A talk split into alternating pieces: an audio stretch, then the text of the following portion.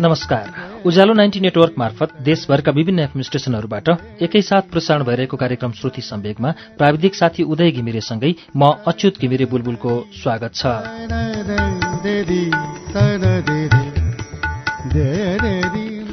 श्रुति सम्वेकको शुक्रबारको श्रृङ्खलामा हामी सुबिन भट्टराईको उपन्यास समर लभको वाचन सुन्दै आएका छौं। गएको साता हामीले समर लभको नौ श्रृङ्खला वाचन गर्यौं। नौ श्रृङ्खलासम्म आइपुग्दा सायासँग फेरि च्याट मार्फत सम्पर्क भएको छ। अतीतको। अब अगाडि के हुन्छ साया र अतीत बीच? सुनौ सुबिन भट्टराईको उपन्यास समर लभको दशौं श्रृङ्खला पृष्ठ दुई सय सातबाट।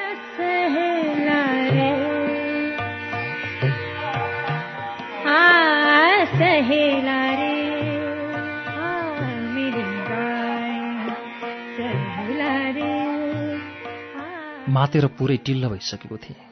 गफ गर्दा गर्दै कुराको प्रसङ्गलाई छलेर मैले उसलाई एउटा प्रश्न सोधेँ। साया तिमीलाई थाहा छ मैले संसारमा सबभन्दा बढी प्रेम गरेको मान्छेको हो। म के भन्दैछु भन्ने उसले महसुस गरिसकेकी हुँदियो। म उसैको नाउँ लिन्छु भन्नेमा ऊ सायद विश्वस्त हुँदियो। ऊ मौन बसी। मैले भने नडराउ तिम्रो नाउँ लिन्न। संसारमा मैले सबभन्दा बढी प्रेम गरेको मान्छे म आफै। तिमी त यसै बाटामा भेटिएकी पो। त्यसो त भने तर मन थाम्नै सकिनँ। उहाँ उहाँ रुन थाले। मलाई थाहा थिएन म रोएको थिएँ कि रक्सी रोएको थियो।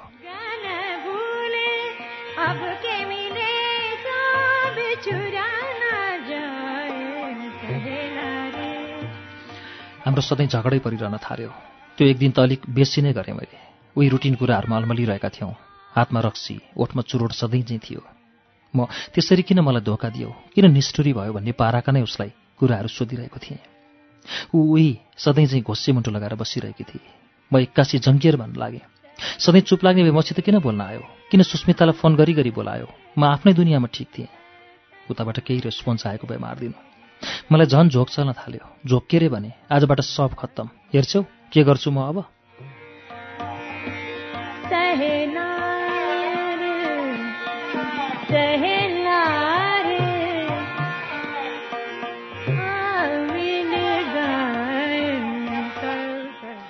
झुरुक्क उठेँ। एउटा सुटकेसमा उसले दिएका सामान थिए जस्तो मेरो बर्थडेमा दिएका ग्रिटिङ कार्ड बिहाका केही धुलाइएका फोटा उसका केही नोट कपी बिहा दर्ताको प्रमाणपत्र अनि बिहा गर्न आउँदा एउटा कुर्ता उसले छुटाएकी थिए। त्यो पनि निकालेँ अनि ल्यापटप झिकेर कोठा बाहिरको टेरेसमा लगेँ। अब ती सबै सामानलाई ल्यापटपको भिजनमा पर्ने गरी राखेर एक बोतल रक्सी जम्मै खनाइदिएँ। एक क्वार्टर काफी थियो तर रिसको झोकमा आँखै देखेन ऊ एकदमै ट्वाल्ल परेर हेरिरहेकी थिए। एउटा सलाई कोरेर सल्काइदिएँ बारेर बोल्न थाल्यो।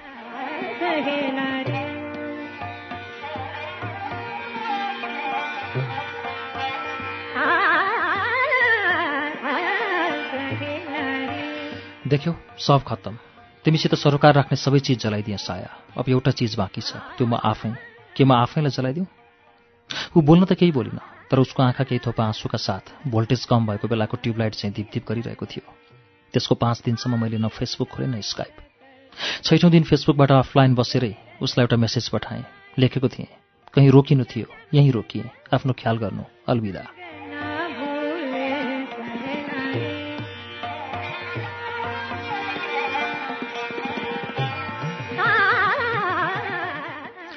करिब एक घन्टापछि काठमाडौँबाट किरणको फोन आयो। के छ हाल खबर? सुरुमा उसले सोधेको थियो। ठिक छ मैले भने। साया फोनमा रुँदै थिएँ के भयो? उसले भन्यो। हो र? मैले सोधेँ रुवाउनेहरू रुन पनि जान्दा रहेछन्? अझै मिरा छैन तिमीहरूको कुरा? उसले सोध्यो। बिग्रेको कुरा पो मिल्छ त। मैले भने भत्किएर चकनाचुर भएको कुरा पनि मिल्छ? के भनिस् उसलाई त्यसरी रुने नै गरी? किरणले सोध्यो। केही होइन छोड्दै यार। ब्ल्याकमेल गर्दैछु क्या? Emotional blackmail. त्यसपछि उसले हाँसेर फोन राख्यो। मलाई भने लाज लागिरहेको थियो। झन् किरणपछि प्रतीक्षा अनु र दिव्याको लगातार फोन आयो। उही प्रश्नका साथ केटीहरूसित अलिक कुल भएर कुरा गरेँ। उल्टै उनीहरूकै हालचाल ज्यादा सोधिदिएँ। म मजामा छु। उनीहरू यस्तै खबर लिएर गए। सम्भवतः सायासम्म त्यही मेसेज पुग्दो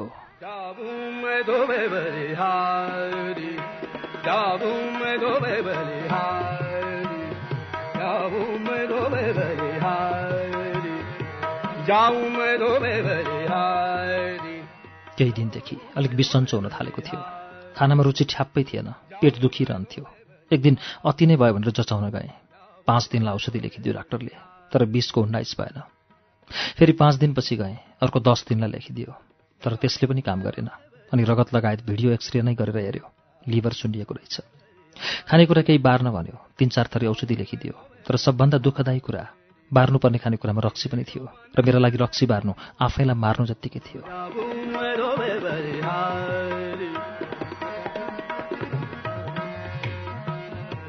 गरीब की इच्छा पूर्ण कर दो। निराश हुँदै कोठामा आएँ। मङ्सिर सकिएर पुस लाग्ने तर्खरमा थियो। लोड सेडिङले गर्दा दुई तिन दिन फेसबुकमा बस्न पाएको थिएन।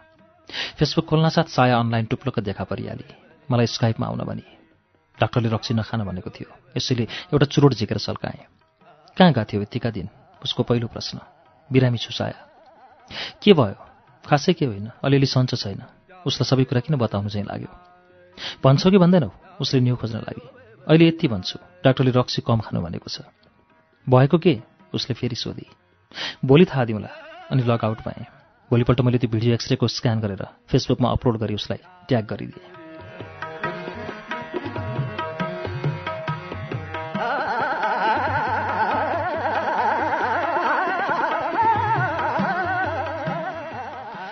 केही साथीभाइले उत्सुकताले भरिएको कमेन्ट गरे भने कसैले जिज्ञासा व्यक्त गरे सायाको कुनै कमेन्ट थिएन। सायाको सम्पर्कमा आउन थालेदेखि मबाट यस्ता केही बहुलठी काम हुन थालेका थिए। बेलुकी अनलाइन फेला परी तत्कालै स्काइपमा निम्तो गरी यो कस्तो पागलपना? उसको पहिलो प्रश्न। सुरुवातमै प्रश्न तिमी टिचर किन भएनौ साया? तैपनि लिभर सुन्निएको तथ्य उसलाई बताइदिए। रक्सी किन धेरै खायो? अर्को प्रश्न म एउटा विद्यार्थी तुल्य भएको थिएँ उसको अघिल्तिर। भनिदिएँ तिमीले नै बानी पारेको चिज हो रक्सी छाया तिमीले बानी लगाएको चिजलाई म कसरी त्याग्न सक्छु? खुब राम्रो उसले भने। रक्सीमै डुब। म एकपल्ट हाँसेँ अनि हाँस्दा हाँस्दै भने डुब्ने तर्खरमै थिएँ तर साला यो रक्सी पनि तिमी जस्तो गद्दार निक्ल्यो। मेरो लिभरसित अफेयर चलाइदियो।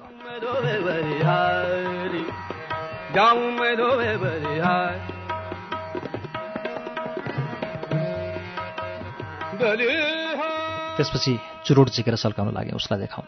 कस्तो रियाक्ट गर्छ जान्न मन लाग्थ्यो। त्यस दिन खास रियाक्ट गरिहाली। भनी लिभर खराब बनायो अब फोक्सो खराब बनाऊ है।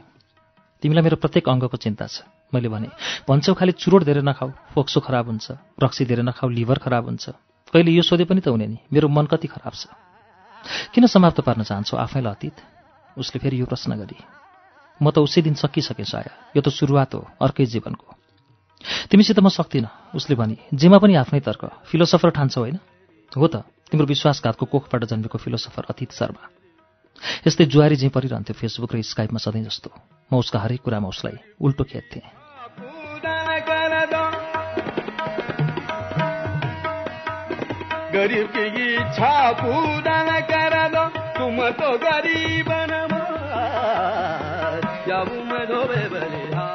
मेरो स्वास्थ्यमा क्रमिक सुधार हुन थालेको थियो।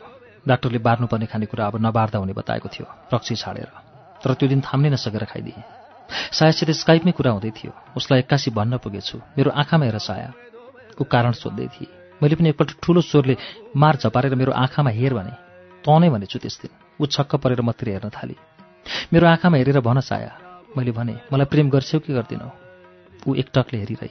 निकै बेरसम्म न हो भन्न सकि होइन भन्न सकि। बस हेरी मात्र रही। म निकै मजाले हाँसेँ। सायद यो पनि मेरो बौलटीको अर्को उदाहरण हुँदो हो।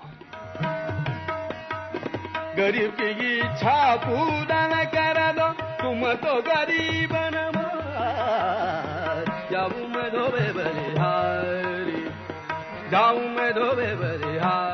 हाँस्दै भने तिमी जे भन साया तर म आजकल अरू नै कसैलाई प्रेम गर्न थालेको छु को उसको मसिनो स्वरमा भने उसले तिमी आफ्नो नाउँ रक्सी राख्न सक्छौ साया मैले पिउँदै गरेको रक्सीको गिलास उसलाई देखाउँदै भने मैले सबभन्दा बढी प्रेम गरेको यही रक्सी हो ऊ ट्वाल्ला परेर मलाई हेरी मात्र रहेकी थिए रक्सीले अधिक छोइसकेको थियो।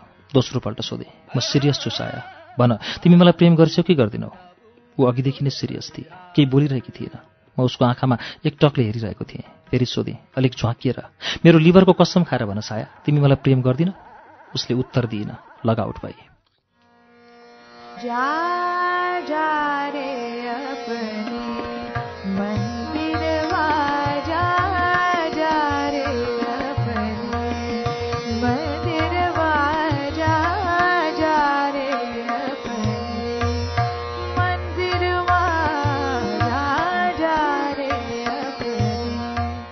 फेसबुक र स्काइपमा जति न्यू खोजे पनि उसको आँखाले बताइसकेको थियो ऊ मलाई उत्पातै प्रेम गर्छ। तर ऊ हाम्रो सम्बन्ध तोड्न चाहन्थे किन त्यो म अनुमान मात्र गर्न सक्थेँ। जब जब ऊ अनलाइन आउँथे म उसित यही एउटा प्रश्न गर्थेँ मलाई प्रेम गर्छौ कि गर्दिनौ? तर उसले गर्दिनँ भनेर कहिले भन्न सकिनँ। गर्छु ऊ भन्नेवाला थिएन तर आँखामा सब देखिन्थ्यो व्यवहारले त्यही बताउँथ्यो। ऊ अझ मलाई प्रेम नै गर्छ। यही निर्कुल गरेर एक दिन मैले अनलाइन भेटिँदा उसलाई भने म पनि नर्वे आउँछु साया वाट ऊ मेरो कुरा सुनेर एकदम तर्सी। हो साया मैले भने मात्र तिम्रो लागि आउँछु। बौलायो जे सम्झ। जबसम्म तिमी मलाई प्रेम गर्दिन भन्दिनौ म आफ्नो अडाम कायमै राख्छु मैले भने। म तिमीलाई प्रेम गर्दिनँ उसले तुरुन्त भनिहाली। यो तिम्रो बोली मात्र हो साया भित्री विचार होइन मैले भने। कसरी छुट्याउन सक्छौ बोली र विचार? उसले भने यो मेरो भित्री विचार नै हो। झुट बोल्न नजानेले किन झुट बोल्नु? मैले उत्तर लेखेँ। तिमी मसित आँखा जुदाउन सकिरहेकी छैनौ। कस्तो कति बेला थाहा हुन्छ यस्तो थाहा छ? जब कसैको चोरी पक्रिन्छ। खुब जान्ने उसले भने सबै थोक तिमीलाई नै थाहा छ। रङ्गी हात पक्रिएको चोरले के भनोस् उसित कुनै तर्क छैन। अनि झ्याप्प अफलाइन भइदिए।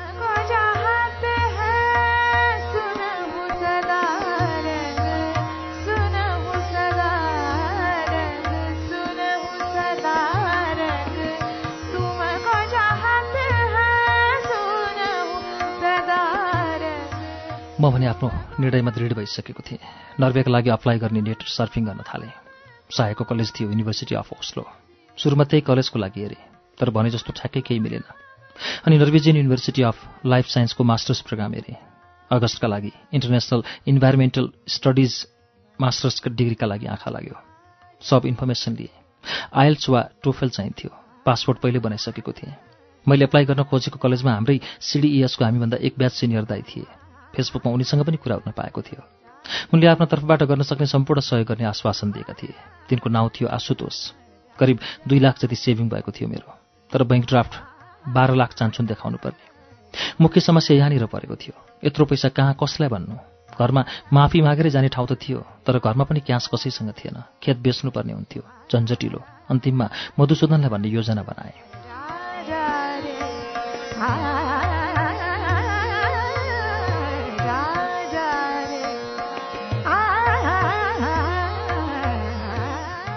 लाखौँको कुरा थियो।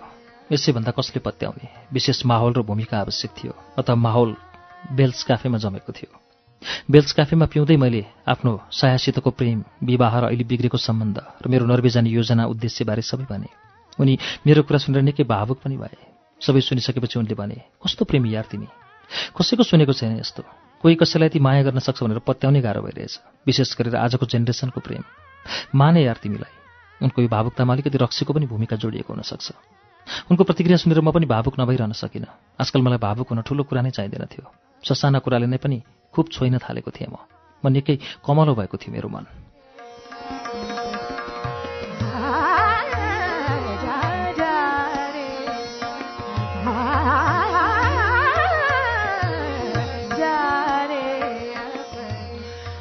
त्यसपछि मैले पैसाको कुरा गरेँ।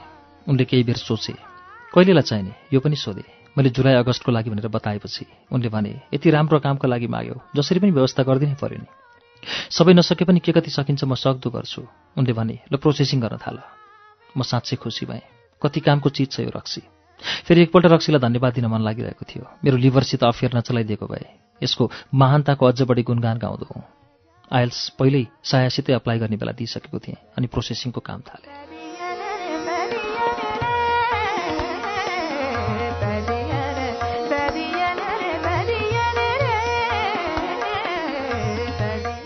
मधुसूदनले तीन लाखको व्यवस्था गरिदिए।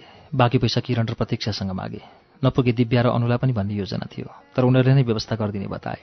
दुवै राम्रो एनजिओमा जागिरी भइसकेका थिए। उनीहरूलाई पनि हामी बीचको बिग्रेको सम्बन्धबारे सम्पूर्ण जानकारी दिए। केही कुरा उनीहरूले पहिले थाहा पाइसकेका थिए र उनीहरूले मलाई सहयोग नगरून् यस्तो हुनै सक्दैन थियो। मसित चाहिने जति पैसा जम्मा भयो।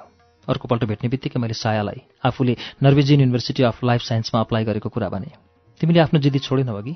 उसले भने तिमी छाड्न सक्दैनौ भने म केमा कम? मैले भने तर साया डर लागिरहेछ। सधैँ टपर हुँदै आएकी तिमीले। यो प्रेमको खेलमा पनि मलाई उछिन्यौ भने। उसलाई थाहा भइसकेको थियो। मैले आफ्नो डिसिजन केही गरे पनि म बदल्नेवाला थिइनँ। सायद त्यसैले भने ठिकै छ। यो देश मेरो मात्र होइन। यहाँ जो पनि आउन सक्छ। तर मेरो केही आश नगर्नु। म यहाँ तिमीलाई न भौतिक या आर्थिक सहयोग गर्न सक्छु न आत्मिक।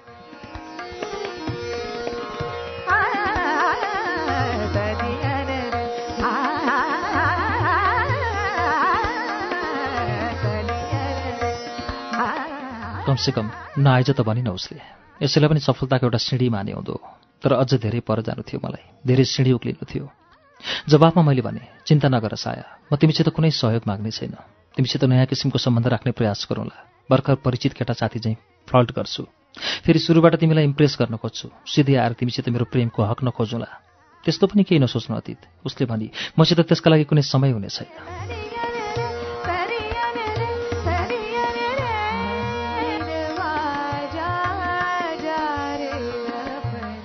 उसले जे जस्तो भने पनि मैले केयर गरिनँ। मलाई नर्वे जानु थियो। त्यहाँ गइसकेपछि हेरौँला भन्ने थियो। नर्वेजियन युनिभर्सिटी अफ लाइफ साइन्सले मलाई एडमिसन दियो। भिसाको लागि अप्लाई गर्नु थियो।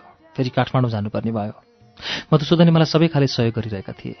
उनीबाट हाकिमभन्दा पनि दाजु सरहको आत्मीयता पाइरहेको थिएँ। दुई दिनको छुट्टी लिएँ। भिसाका लागि आवेदन दिएर फर्केँ। नर्वेको भिसा लाग्नु कुनै गाह्रो थिएन। लागिहाल्यो। भिसा लागेको दस दिनभित्र कलेजमा हाजिर भइसक्नुपर्ने भयो। क्लास अगस्त दोस्रो हप्ता सुरु हुन्थ्यो। म फेरि काठमाडौँ आएँ गएँ भिसा लिन। भिसा लिएपछि सपिङ गर्नु थियो टिकट लिनु थियो। सबभन्दा पहिला टिकटका लागि बुझ्न न्यु रोडको एक ट्राभल एजेन्सीमा गएँ।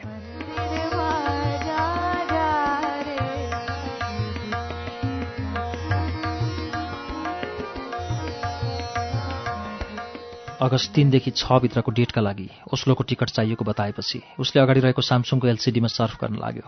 निकै बेरपछिको सर्फिङपछि उसले जम्मै प्याक भएको बतायो। कुन रुटबाट हेर्नुभएको? मैले सोधेँ। नेपालीहरू जाने त्यही ब्याङ्कको ट्रान्जिट हो। त्यो जम्मै प्याक छ। दिल्लीबाट होला नि।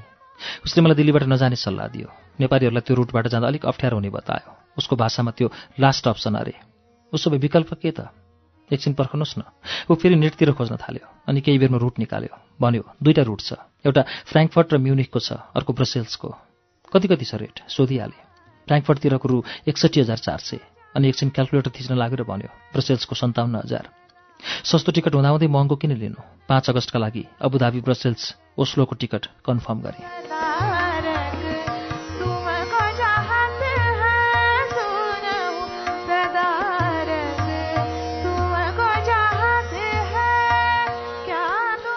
मन ढुक्क भयो। केही सपिङ गर्नु थियो। सपिङ एक्लै गर्न मन लागेन। एक दिन किरणलाई सँगै लगेँ। अर्को दिन प्रतीक्षालाई लिएर गएँ। उसले भर्खरै स्कुटी किनेकी रहेछ। उसित एक दिन बिताउँदा निकै धेरै काम भयो। तेस्रो दिन सबै काम फत्ते गरेर धनगढी फर्केँ। पाँच तारिकमा काठमाडौँबाट अबुधाबीको फ्लाइट। चार तारिकमा त काठमाडौँ जसरी पनि पुग्नै पर्थ्यो। नेपाल बन्द। चक्काजाम नहुने देश भइदिया भए उसै दिन दिउँसोतिर पुगे पनि केही फरक पर्दैन थियो होला। टिकट लिइसकेपछि सब इन्फर्मेसन आशुतोष दाइलाई दिए।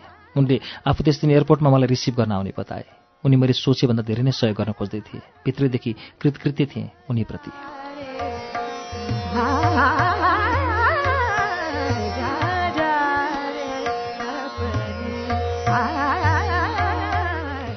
काठमाडौँमा सपिङ गरेका सामान उतै किरणकोमा छोडेको थिएँ। अफिसमा म जाँदैछु भनेर व्यापक हल्ला भइसकेको थियो। खालि धनगढीबाट कुम्लो कुटुरो बोकेर निस्कने काम बाँकी थियो। सामान प्याकिङ गरिरहँदा मैले काठमाडौँमा छुट्टिने बेला सायाको लिपस्टिकको दाग बसेको रुमाल भेटेँ। उसको याद आउने सबै चिज जलाउँदा त्यो रुमाल छुटेछ। राम्रै भयो। त्यसलाई एकपल्ट किस गरेँ अनि जतनसाथ सुटकेसमै हालेँ।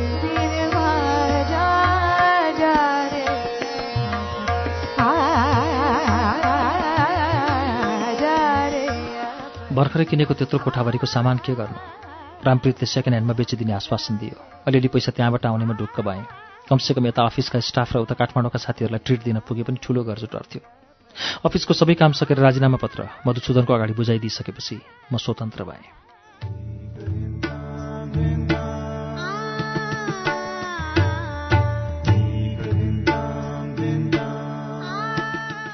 कार्यक्रम श्रुति सम्वेकमा अहिले तपाईँले सुनिरहेको वाचन सुबिन भट्टराईको उपन्यास समर लभको वाचन हो।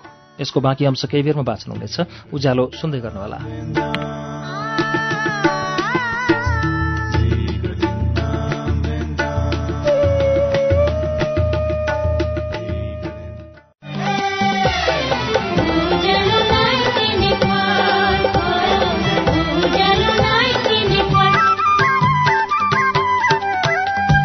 सीधा कुरा प्रश्न विचार उज्यालो 90 नेटवर्क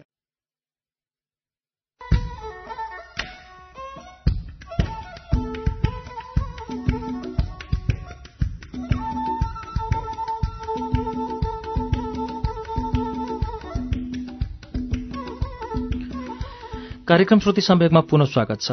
तपाईँ अहिले उज्यालो नाइन्टी नेटवर्क काठमाडौँसँगै देशभरिका विभिन्न एफएम स्टेशनहरूबाट एकैसाथ कार्यक्रम श्रुति सम्वेक सुनिरहनु भएको छ। श्रुति सम्वेकमा हामी सुबिन भट्टराईको उपन्यास समर लभको वाचन सुनिरहेका छौं। अब यसको बाँकी अंश वाचन सुनौ।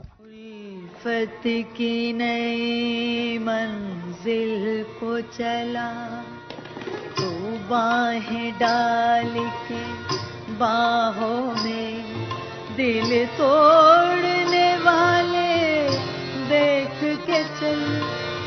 हम भी तो पड़े हैं राहों में। हम भी तो पड़े हैं राहों में। जति सहायको देशमा जाँदैछु भन्ने खुसी वा उत्तेजना थियो त्यति नै अफिसका कर्मचारीलाई मिस गर्नेछु भन्ने कुरामा नरमाइलो पनि लागिरहेको थियो। मनै त हो नाप्न मिल्दैन र पो नत्र मलाई लाग्छ संसारको सबभन्दा कमलो कुरा यही मन त होला। अनि त्यो दिन धनगढीबाट काठमाडौँ फिर्दै थिएँ। एक बजेको बस थियो। करिब बाह्र बजे अफिसको प्राङ्गणमा मलाई विदाईको कार्यक्रम राखिएको थियो। खासै त्यस्तो औपचारिक कार्यक्रम त होइन तर पनि पाँच सातवटा चेयर राखेको थियो र एउटा टेबल। टेबलमा एउटा माला थियो। मधुसूदनले मलाई त्यो माला लगाइदिए अनि भने काठमाडौँ आउन नसके पनि यतैबाट विदा गऱ्यौँ है अतीत। यति भनेर उनले ऱ्याप गरिएको एउटा गिफ्ट दिए। भने यो सबै स्टाफहरूको तर्फबाट।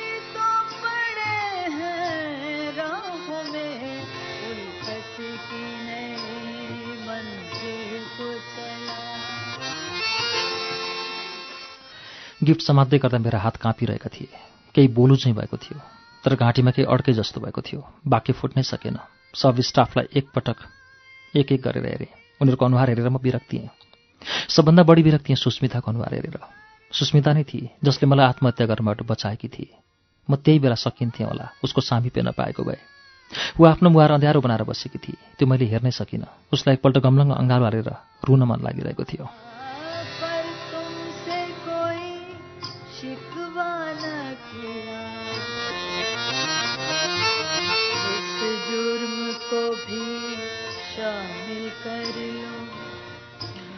अघिल्लो दिन एकान्तमा भेटेको थिएँ उसलाई। उसले बडो प्रफुल्ल मुद्रामा आफ्नो बिहे हुन लागेको प्रसङ्ग सुनाएकी थिए। तिमी दुखी त छैनौ भनेर मैले सोधेको थिएँ। उसले भनेकी थिए एउटा कुरा नि सर मान्छे त्यति बेला दुखी हुन्छ। जब उसले कसैबाट धेरै एक्सपेक्ट गरेर त्यो पुरा हुन सक्दैन। मेरो हकमा भन्नुहुन्छ भने मैले हजुरबाट केही एक्सपेक्ट नै गरेकी थिइनँ। एउटा म्यारिड मान्छेसित। मैले केही एक्सपेक्ट गर्न पनि त मिल्थेन। त्यसैले म त पटक्कै दुखी छैन।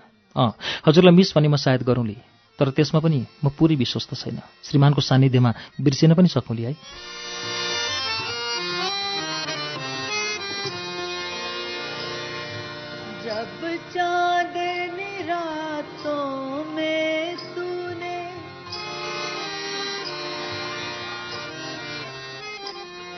जब चांदनी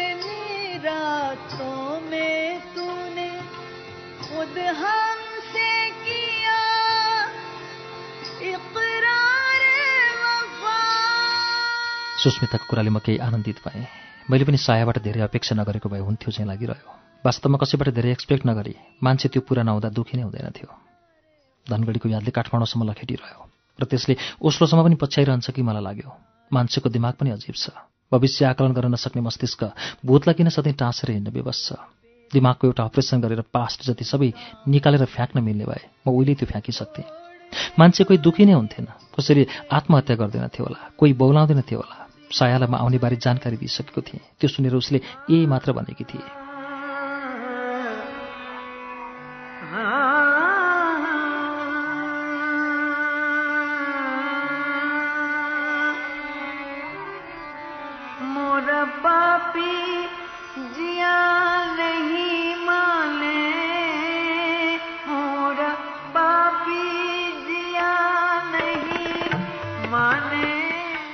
मलाई ऊबाट योभन्दा बढी आश थिएन पनि। कमसेकम पछिल्ला दिनमा हामी बिच जुन किसिमको सम्बन्ध कोरियो त्यसको आधारमा भनेको मलाई त्यसको प्रवाह थिएन। ऊ मलाई प्रेम गर्छे। यही काफी थियो मलाई। उसको साथ पाउनु नपाउनु भन्दा पनि तैपनि साथ पाउनकै लागि यत्रो विधि गर्दै थिएँ। चार तारिकमा किरण प्रतीक्षा दिव्या र अनुलाई ट्रिट दिएँ। प्रतीक्षा र किरण आउँदो मङ्सिरमा विवाह बन्धनमा बाँधिन लागेका रहेछन्। थाहा पाएँ।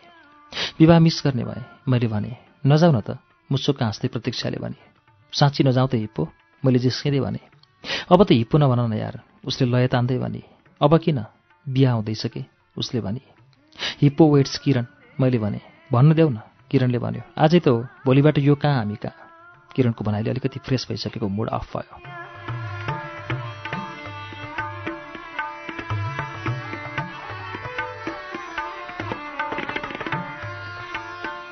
साला मुड पनि टन्न भाइरस पसेको कम्प्युटर जस्तो ह्याङ भइरहने रिफ्रेस गर्नै गाह्रो। उनीहरूले पनि मलाई छुट्ने बेलामा एउटा गिफ्ट दिए। तुरुन्तै उनीहरूको अगाडि खोलेर हेर्न मन लाग्यो। एउटा सानो चिटिक्क परेको घरको नमुना थियो। जसमा उनीहरूले लेखेका थिए साया र अतीतको घर। त्यो हेरिसकेर मैले उनीहरूलाई सोधेँ यो आइडिया कसको? कसको होला? दिव्याले भने तर मैले प्रतीक्षा बाहेकहरूलाई गेस गर्नै सकिनँ।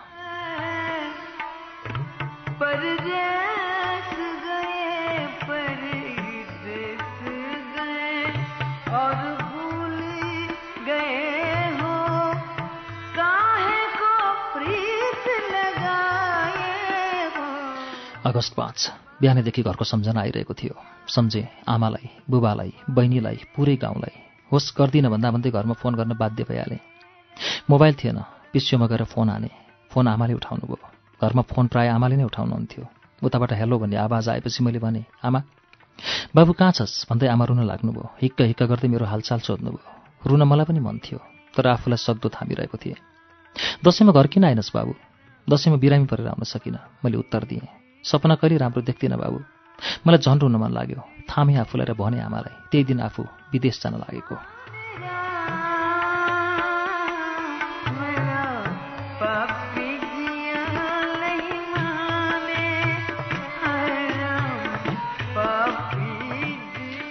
आमा गुवा गुवा रुन लाग्नुभयो। भएको एउटा छोरो पनि त्यस्तै केही भन्दै हुनुहुन्थ्यो। एकछिनपछि बुबाको हालचाल सोधेँ। आमाले बुबालाई फोन दिनुभयो। कहाँ छस् बाबु? बुबाले पनि उही प्रश्न गर्नुभयो। मैले बुबाको यस्तो आवाज कहिल्यै सुनेको थिइनँ। जति माया गर्दा पनि रुखको आवाज निस्किन्थ्यो उहाँको मुखबाट।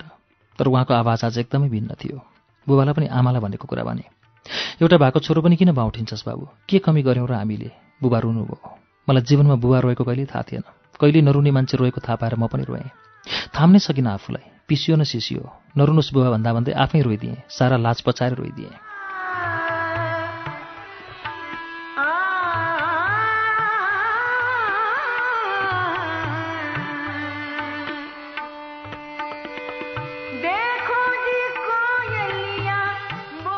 बोल जोसीकीसित बिहा गर बाबु छोरा त हाम्रै होस्। निकै गलेको आवाज थियो बुबाको। ले बुहारी भित्रै दिउँला तर यसरी नसता बा हामीलाई। आउँछु बुबा म पनि हिक्क हिक्क गर्दै थरथराएको आवाजमा भन्न लागेँ। अर्को साल बुहारी लिएरै आउँछु। उताबाट फोन गर्दै गर आई भन्नुभयो बुबाले। हुन्छ भने मैले फोन राखेँ। फोन राखेर पिसियोबाट निक्लँदै गर्दा एकपटक त लाग्यो बेकार फोन गरेछु। कतितिरको मोहमा फस्नु? कस कसलाई माया गर्नु? कति रुनु? कस कसलाई सम्झेर रुनु? फेरि कति धेरै अटाउन सकेको छातीभित्र माया? कहिले नरित्तिने।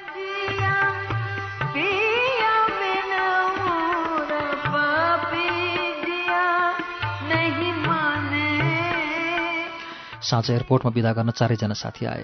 समय बाँकी भएकाले एकछिन अन्तर्राष्ट्रिय विमानस्थल बाहिरपट्टि नै गफ गरेर बसिरह्यौँ। प्रतीक्षाले क्यामेरा ल्याएकी रहेछ।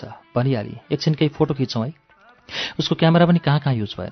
सानोभन्दा सानो कार्यक्रमको फोटो खिचेर फेसबुकमा हाल्न ऊ खुब रमाउँथे। उसले त्यहाँ खिचेका फोटो फेसबुकमा निश्चय नै राख्नेवाले थिए। केही बेर फोटो खिचिसकेपछि छुट्ने बेला भयो। पालै पालो एकपल्ट सबैसँग अङ्कमाल गरेर विदा भएँ। चेक इन गर्दा प्लेन बोर्ड गर्दा मनभित्र अनेक तरहका विचार आउँदै जाँदै गर्दै थिए। घर परिवार अफिस साथीहरू सबलाई माया मारेर म विदेशिँदै थिएँ। सोचेँ कि मेरो मनले खोजेको कुरा यही हो त?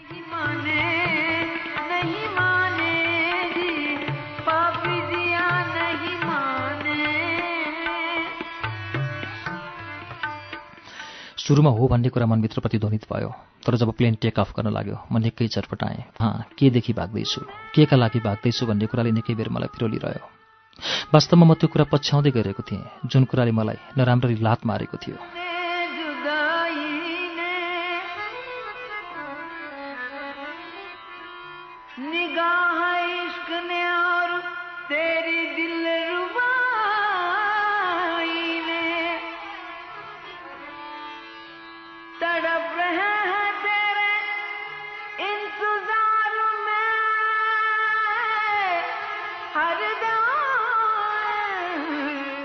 प्लेन घुइँ गरेर कराएको आवाज कानभित्र हालेको कपासले समेत रोक्न सकेन। तर वास्तवमा प्लेनको आवाजले कानभन्दा पनि मनलाई ज्यादा सताइरहेको थियो मुटु छिडिरहेको थियो एकपल्ट डाको छोडेर रोँ जस्तो लाग्यो। यसरी रोए फरक पर्दैन थियो होला किनकि मेरो रुवाई प्लेनको टेक अफ गर्ने आवाजभन्दा उँचो हो। आमा बुवा रोएको सम्झेँ त्यसले मलाई अझ व्याकुल बनाउन लाग्यो। कमसेकम मेरो आमा बाबु छन् जस्तै अपराध गरे पनि माफी दिन सक्छन् उनीहरू। फर्केर घर जानु जस्तो भयो।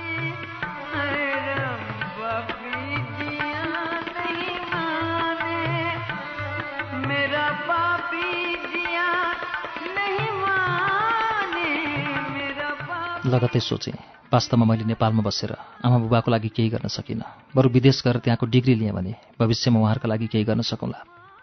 प्लेनमा भएका सब कुराप्रति म निरपेक्ष रहेँ। मन सम्पूर्ण अस्तव्यस्त थियो।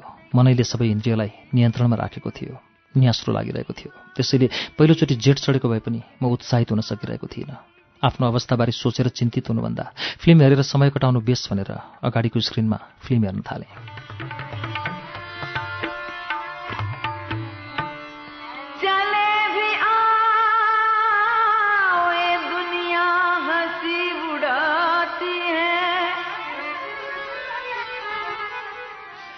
चार घन्टा पैँतिस मिनटपछि अबुधाबी पुगियो। त्यहाँबाट प्लेन चेन्ज गर्नुपर्ने थियो। प्लेनको ठेगान गरेर एक्लै आउँदा एउटा कुनामा उभिरहेको थिएँ। एउटा नेपाली आएर मसित बोल्न खोज्यो। बिरानो ठाउँमा नेपाली देख्दा पनि बिछट्टै आत्मीयता फिल हुँदो रहेछ। ऊ मसँग एकछिन गफ गर्यो अनि मलाई पाँच डलरमा दस मिनट जति नेपाल फोन गर्न पाइने जानकारी दियो। मैले सल्लाहका लागि उसलाई धन्यवाद भने। फोन गर्नुपर्ने जति सबैलाई फोन गरेर आइसकेको थिएँ। अब कसैलाई गर्नु थिएन।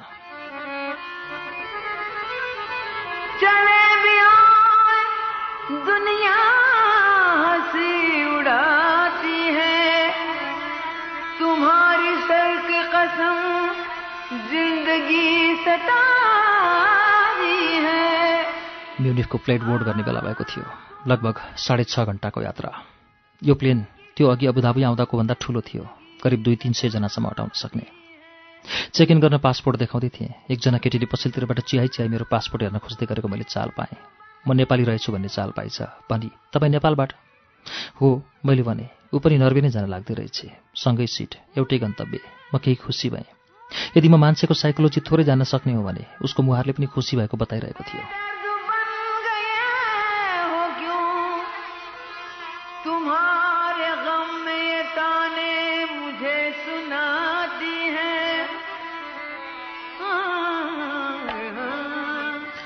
उसको नाउँ सम्झना केसी रहेछ।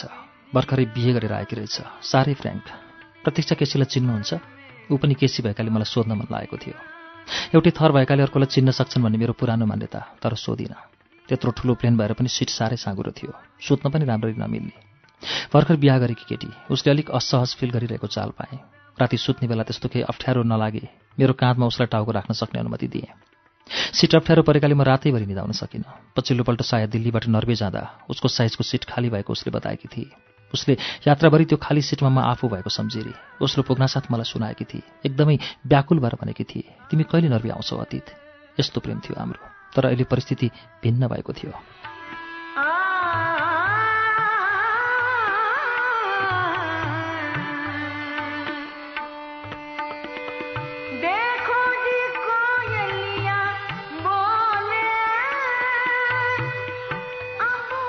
सुत्नुभन्दा अगाडि सम्झनाले मसित आफ्नो विवाह प्रेम प्रसङ्गका कुरा सुनाई आफ्ना बिहेका सबै फोटा देखाई। उसलाई थाहा हुन्छ यसबाट परदेशमा एउटा नेपालीले अर्को नेपाली देख्दा ऊ कति विश्वस्त हुन सक्छ कति आत्मीय हुन सक्छ। रातभर सुत्न नसके पनि बिहानी पक्का आँखा लाग्न थालेको थियो। आँखा झकाउन लागे जस्तो भएका बेला ब्रेकफास्ट आइपुग्यो। खानेकुरा के के हो के के? जीवनमा कहिले नदेखेका। खालि प्यानकेक र जुस मात्र खाएँ। जुस पनि फेरि कति साह्रो अमिलो। एउटा सानो ब्रस पनि दिएका थिए त्यो खल्तीमा हालेँ। म्युनिक एयरपोर्टमा ओर्लिँदा त्यहाँको सभा नभएको थियो। म्युनिक एयरपोर्टमै एम्स्टरडम जाने अर्को नेपाली भेटियो। तुरुन्तै साथी बनिहाल्यो। त्यसपछि त्यहीँ एयरपोर्टमै तिनजना बसेर कफी खान थाल्यौँ। कफीको पैसा उसैले तिर्यो कार्डबाट। तिन कप कफीको अठार युरो पर्दो रहेछ। आफूसँग त कार्ड पनि थिएन।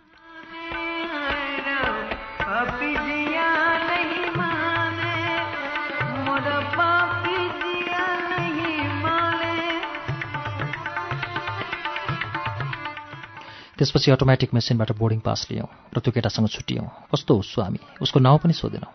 उसले पनि बताएन न हाम्रै सोध्यो। यात्रामा यस्तो पनि हुँदो रहेछ। नाउँ थाहा नपाए पनि आत्मीय चाहिँ भइदो रहेछ। आखिर सबभन्दा ठुलो कुरा मन न हो। नाउँ त केही दिनमा बिर्सिन पनि सक्छ। तर उसित जसरी भेट भयो जुन पल हामीले त्यहाँ बितायौँ त्यो अविस्मरणीय छ।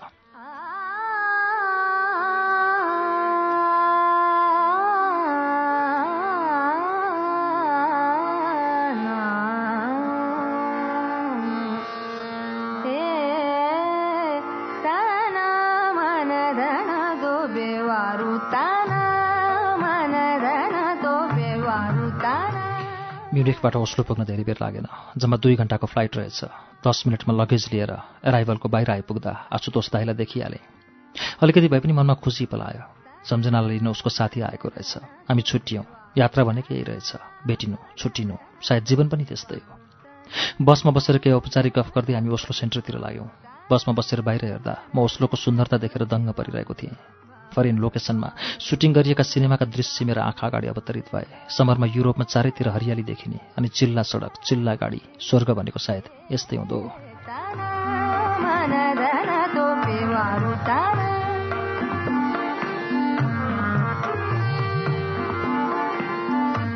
हामी जुन रुटमा थियौँ त्यो रुटमा खास ट्रेन चल्थ्यो तर त्यति बेला रिपेयर चलिरहेकाले बसमा जानु परेको कुरा आशुतोष दाईले बताए। ट्रेनमा जम्मा बिस मिनट लाग्ने रहेछ एयरपोर्टबाट ओस्लो सेन्टर पुग्न। तर बसले एक घन्टा लगाइदियो। ओस्लो सेन्टरबाट कता कता घुमाउँदै आशुतोष दाईले मलाई तेवान स्टेसन ट्रेन स्टेसनलाई नर्बीमा बोलिने भाषामा तेवान भनिदो रहेछ त्यता लानुभयो। क्रिङ डुसोमा उहाँकी गर्लफ्रेन्ड बस्दै रहेछिन् सलिना। खानाको व्यवस्था त्यहीँ गरिएको रहेछ। उनले एक किसिमको मेजबान नै गरिन् मासु भात पकाएकी थिइन् मिठो मानेर खाएँ क्रिङसोमै थियो सायाको होस्टल पनि तर त्यत्रो इलाकामा कहाँ पत्तो लगाउन सक्नु? तैपनि एकपल्ट आशुतोष दाईसँग त्यहाँ बस्ने नेपालीबारे घुमाउरो पारामा जानकारी लिन खोजे। त्यति खोल्न सकेको थिएन। तर उहाँले पनि एक दुई बाहेक धेरैलाई चिन्नु भएको रहेनछ सलिनाले चिन्दु हुन् भन्ने पनि लागेको थियो। तर पहिलो भेटमा म जस्तो अन्तर्मुखी स्वभाव भएको मान्छेलाई यी सब सोध्न कहाँबाट आओस्?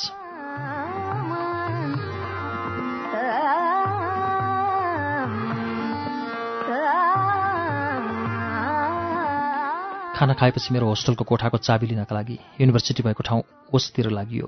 सामान राखेर फेरि ओस्लो आइयो। रात झमक्क परिसकेको थियो। निखिलेश भन्ने अर्को एकजना साथीसित पनि परिचय भयो। क्रिङ्सोबाट हाम्रो युनिभर्सिटी जान पहिला तेवानबाट सेन्ट्रल स्टेसन जानुपर्ने रहेछ। अनि त्यहाँबाट मस जाने अलिक ठुलो ट्रेनमा चढेर ओस चढ्नुपर्ने रहेछ। ओस स्टेसनबाट बसमा जम्मा पाँच मिनट हिँड्दा पनि त्यही पन्ध्र मिनटभन्दा ज्यादा रहेनछ। युनिभर्सिटीसँगै होस्टल थियो। सुरुमा म लुहा नाउगरीको होस्टलको रुम नम्बर एक सय पन्ध्रमा बसेँ। पछि ग्रटन होस्टलको रुम नम्बर दुई सय तिनमा सिफ्ट भएँ। भोलिपल्ट सबैजना आफ्नोको काममा गए। कोठामा म एक्लै एकदमै होमसिक भएँ। मैले घर छोडेको लामो समय भइसकेको थियो। साँच्ची भन्दा म त्यो बेला कन्ट्री सिक भएको थिएँ। दिनभरि कोठामा रोएरै भएर बसिरहेँ। साथीहरू कतिखेर आउने हुन् कुनै जानकारी थिएन। नयाँ ठाउँ नियम कानुन केही थाहा थिएन। बाहिर निस्क्यौँ ननिस्क्यौँ। मनले केही निर्णय पनि गर्न सकिरहेको थिएन। बिल्कुलै असहाय र निरुपाय भएको थिएँ।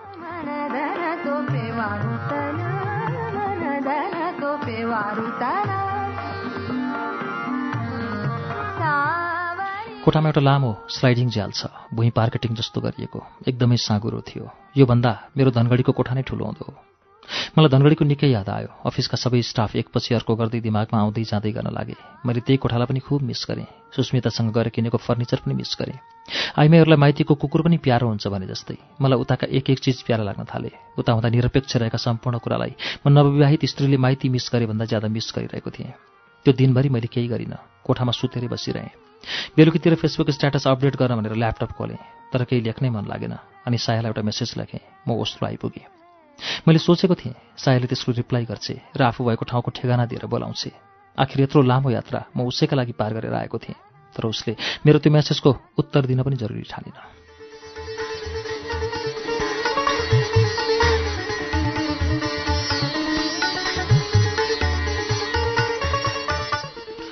श्रुति सम्वेकमा यतिन्जेल तपाईँ। सुबिन भट्टराईको उपन्यास समर लभको वाचन सुन्दै हुनुहुन्थ्यो। यो वाचन सँगसँगै आजलाई श्रुति सम्वेकको समय सकिएको छ। अर्को साता हामी सुबिन भट्टराईको उपन्यास समर लभको अन्तिम श्रृङ्खलाको वाचन लिएर आउनेछौँ। तबसम्मका लागि प्राविधिक साथी उदय घिमिरे र म अच्युत घिमिरे बुलबुल विदा चाहन्छौ। शुभरात्रि।